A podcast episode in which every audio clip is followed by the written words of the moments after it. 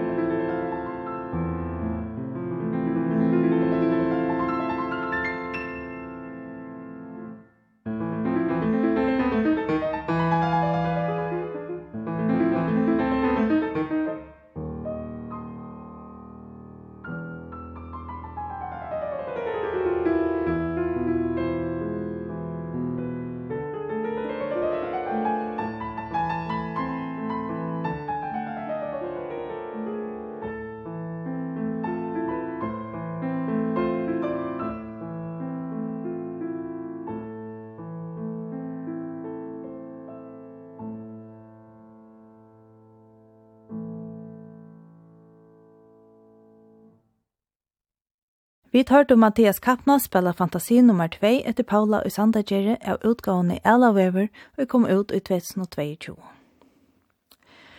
Det ser ut til at nekve førske komponister har finnet ublåster fra førska veverlænen, og så Ella Weber til Paula i Sandagjere. Romantisk solseter, habarslige drottningar eller stilt månalys ser ikke ut til at vi har det store temaet i førskontonlegget men mjørkin her at møter, det er eit alle føringar kunne relatera til, og det ser ut til at dette tema har vært rettelig populært i mittlen først tøvnaskald. Vi tverra høyra nukker stykker og jeg hava høyde mjørkje, og vi tverra vujer til aldebarna. Eitt nu hava Olavur i Burstov og samme Jakob Jakobsen, Eli Tausen, alle skriva stykke og bera høyde mjørkje. Nu høyra vi mjørkje og gjør stykke i fyra pørstun etter Olav i Burstov. Det er Panayotis Demopoulos og spiller av klaver.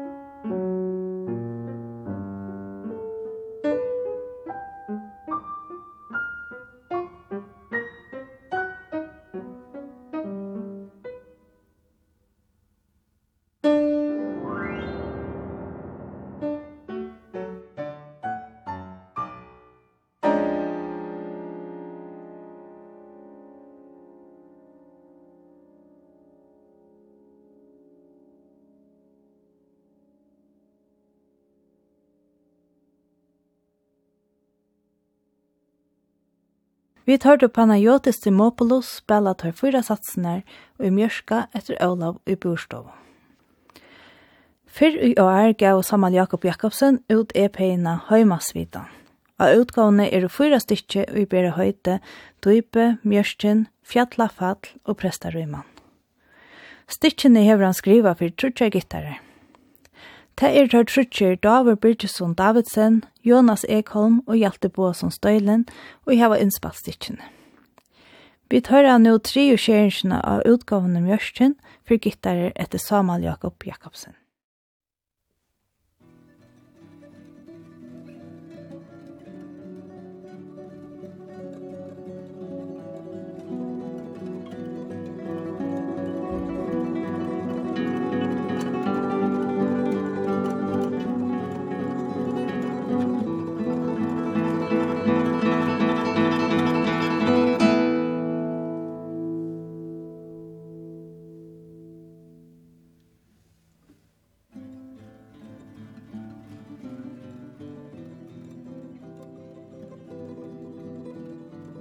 Musik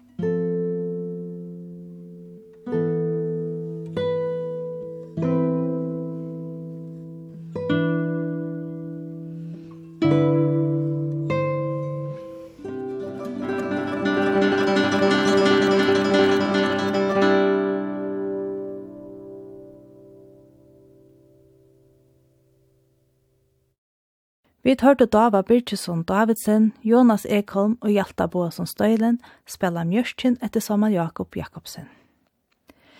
Eli Tausen Alava er just nu bosittande i New York. Han er født i Førjen og i 1926 og byrja av ungen Aron å spela viola, men det var ikke akkurat det. Så som 14 år gammal byrja han å spela klaver og skriva lydel Stitcher og sanji. Han fekk fralærer fra Sundleiv Rasmussen av musikkskolen, her han øsner Jack Aminame og i komposisjon. Og i 2018 byrja han at læra til Rolf Marstinsson i Malmö Academy of Music. Og i 2020 skriva han tru klaverstykje, In Fog, Ripples og Bells, og gir utgiven tja total av utgående Impressions. Stoileren er nekka minimalistiskur, og Jens Cornelius hevur kosi Eli til a vera ta nutje første minimalisteren. Vi høyra nu brått om njørskanon av utgavene Impressions tja Eli Tausen av Lava. In folk styrtje er i fyra bråten, og vi høyra seksjon 8.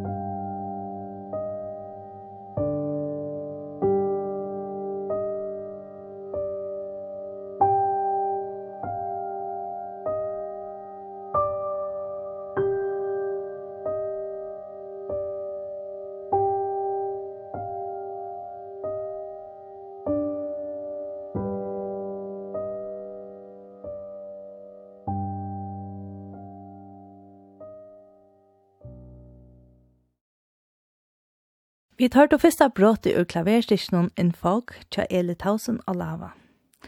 Og et annet stikker tja Eli kom ut i 2022. Hette er stikker Hard, vi vil fære høyre nå.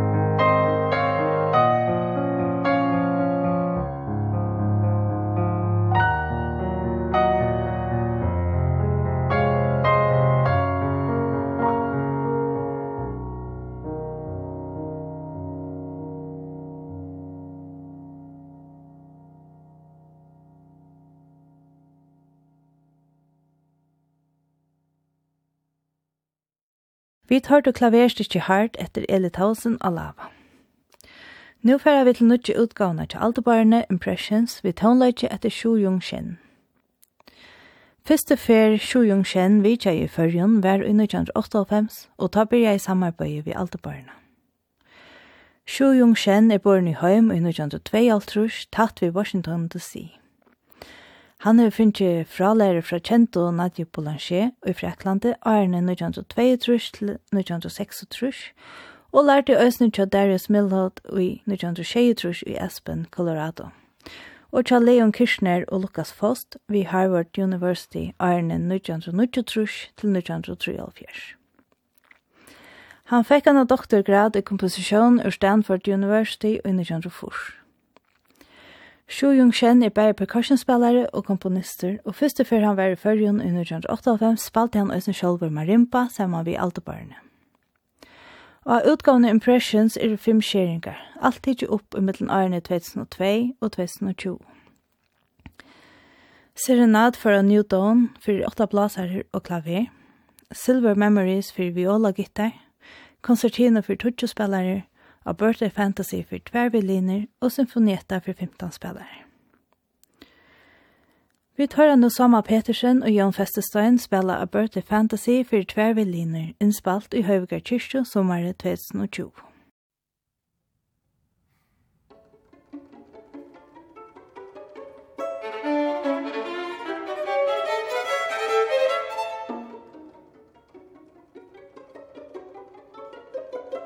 Musik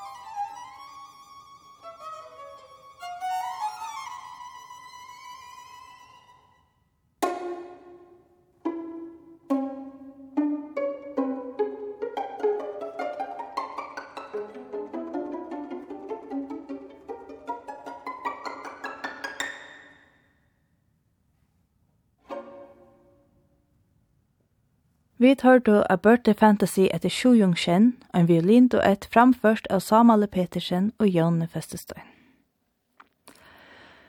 Sørsta styrkje i hese sending for å være sørsta styrkje av fløvene til Jung. Hette er verste symfonietta for 15 spillere og var bøylagt fra Sjujung Shen av Aldebarn. Styrkje er oppbyggt som en symfoni, men satsen er ferdig inn i hvert annet uten pauser. Og i samansettingene av jævførene er jo styrke seksjonen rettelig løytel og skal balansere imot til blaserne og hinne jævførene, så det setter krøv til styrke av være mørre djøknerskikt. Styrke byrjar vi gjennom valse og i gonger atter døgn alt styrke. Øyna fyr som er rondo, og etter å syndra drama mitt i styrkene og øyna søyna passasje, kommer tånleikeren atter til valsen og iklater en ørvesebjona. Vi tar nå symfonietta for 15 spillere etter Shu Yong Shen, ur nå utkomne og utgående til Altobarnet.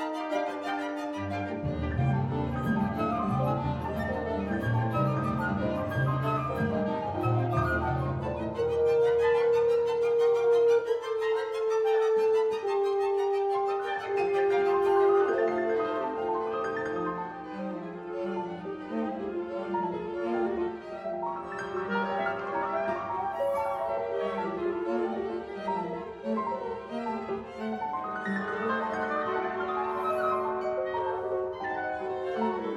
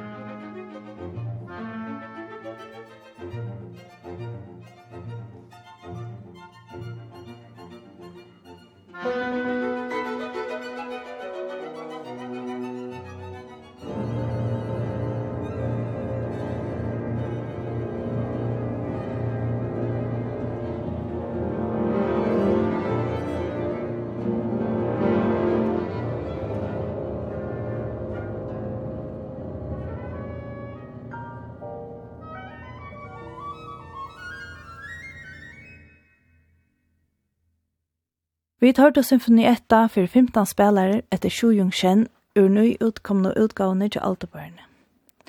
Vi hesson er velkommen at enda hesar kjenting.